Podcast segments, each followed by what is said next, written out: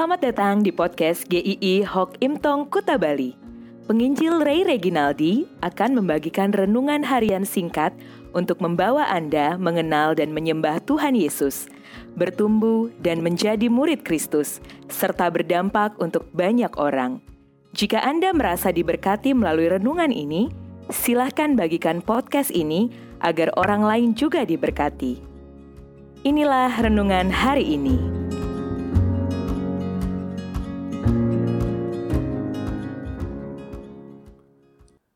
Merendahkan diri.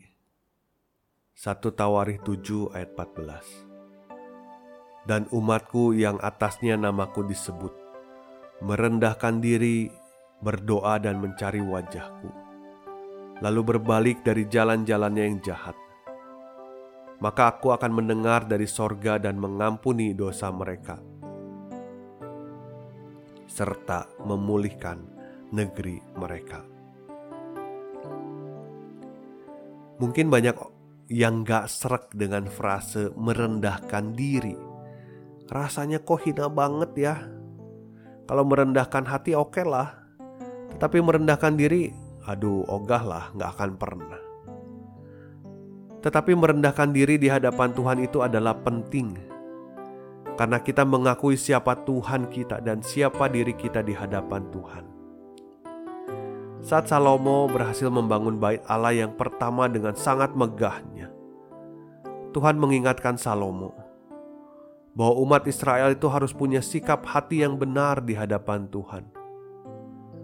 Bangsa Israel berkali-kali melihat bahwa Tuhan bukan segala-galanya. Mereka sering begitu sombongnya di hadapan Tuhan, tidak peduli dengan apa yang Tuhan katakan. Tuhan menunjukkan bagaimana Tuhan adalah satu-satunya yang berkuasa atas segala sesuatunya. Kalau Dia bisa izinkan tidak turun hujan, maka setetes air pun tidak akan turun. Tapi jika Tuhan izinkan adanya sakit penyakit, bahkan kepintaran manusia pun, ilmu kedokteran secanggih apa pun tidak bisa menyembuhkan.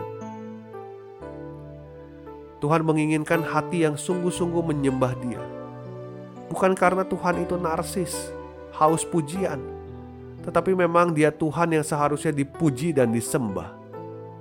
Tuhan itu bukan Tuhan yang bengis dan kejam. Justru dalam ayat ini menunjukkan bagaimana murah hatinya Tuhan.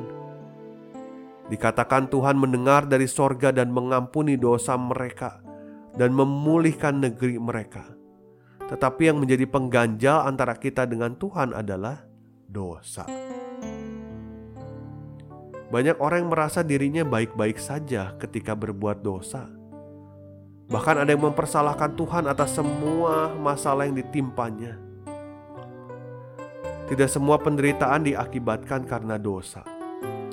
Tetapi kita perlu bertobat kalau memang ada dosa yang kita lakukan. Jangan kita berpikir bahwa ini hidup kita, ini hidup saya, ini hak saya hidup kita sebagai orang percaya adalah milik Tuhan. Apa yang kita punya adalah milik Tuhan. Semua hal yang bisa kita kerjakan adalah karena Tuhan. Kesombongan manusia adalah ketika merasa dirinya tidak butuh Tuhan, dan segala pencapaian hidupnya adalah karena Dia, dan merasa hidupnya baik-baik saja tanpa Tuhan. Saudara, kita semua perlu Tuhan dalam hidup ini. Tidak ada yang bisa menggantikan posisi Tuhan dalam hidup kita. Tanpa Tuhan, akhir hidup kita adalah penderitaan yang kekal. Segala pencapaian kita di dalam kehidupan ini, di dalam dunia ini, akan sia-sia. Saat manusia tidak mencari Tuhan dan tidak mau merendahkan diri di hadapan Tuhan, Justru Tuhan Yesuslah yang merendahkan dirinya. Filipi 2 ayat 2 sampai 8. Hendaklah kamu dalam hidupmu bersama menaruh pikiran dan perasaan yang terdapat juga dalam Kristus Yesus yang walaupun dalam rupa Allah tidak menganggap kesetaraan dengan Allah itu sebagai milik yang harus dipertahankan melainkan telah mengosongkan dirinya sendiri dan mengambil rupa seorang hamba dan menjadi sama dengan manusia. Dan dalam keadaan sebagai manusia, ia telah merendahkan dirinya dan taat sampai mati, bahkan sampai mati di kayu salib. Penyelamatan datang karena Tuhan Yesus turun sampai ke level yang paling rendah, supaya manusia tidak dihukum Perendahan diri kita di hadapannya ketika kita percaya kepada Dia bahwa kita adalah manusia yang berdosa.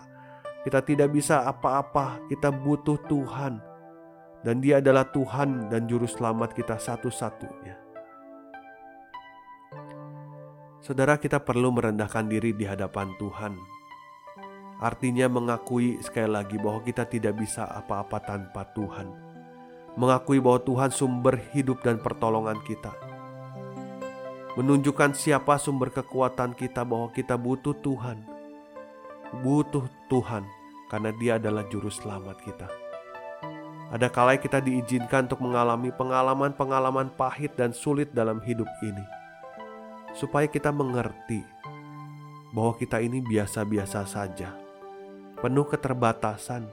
Kita perlu Tuhan Pesan utama hari ini adalah apa pun yang bisa kita capai dalam hidup ini. Tunduklah dan bergantunglah pada Tuhan selalu. Karena semuanya dari Tuhan dan untuk Tuhan. Amin.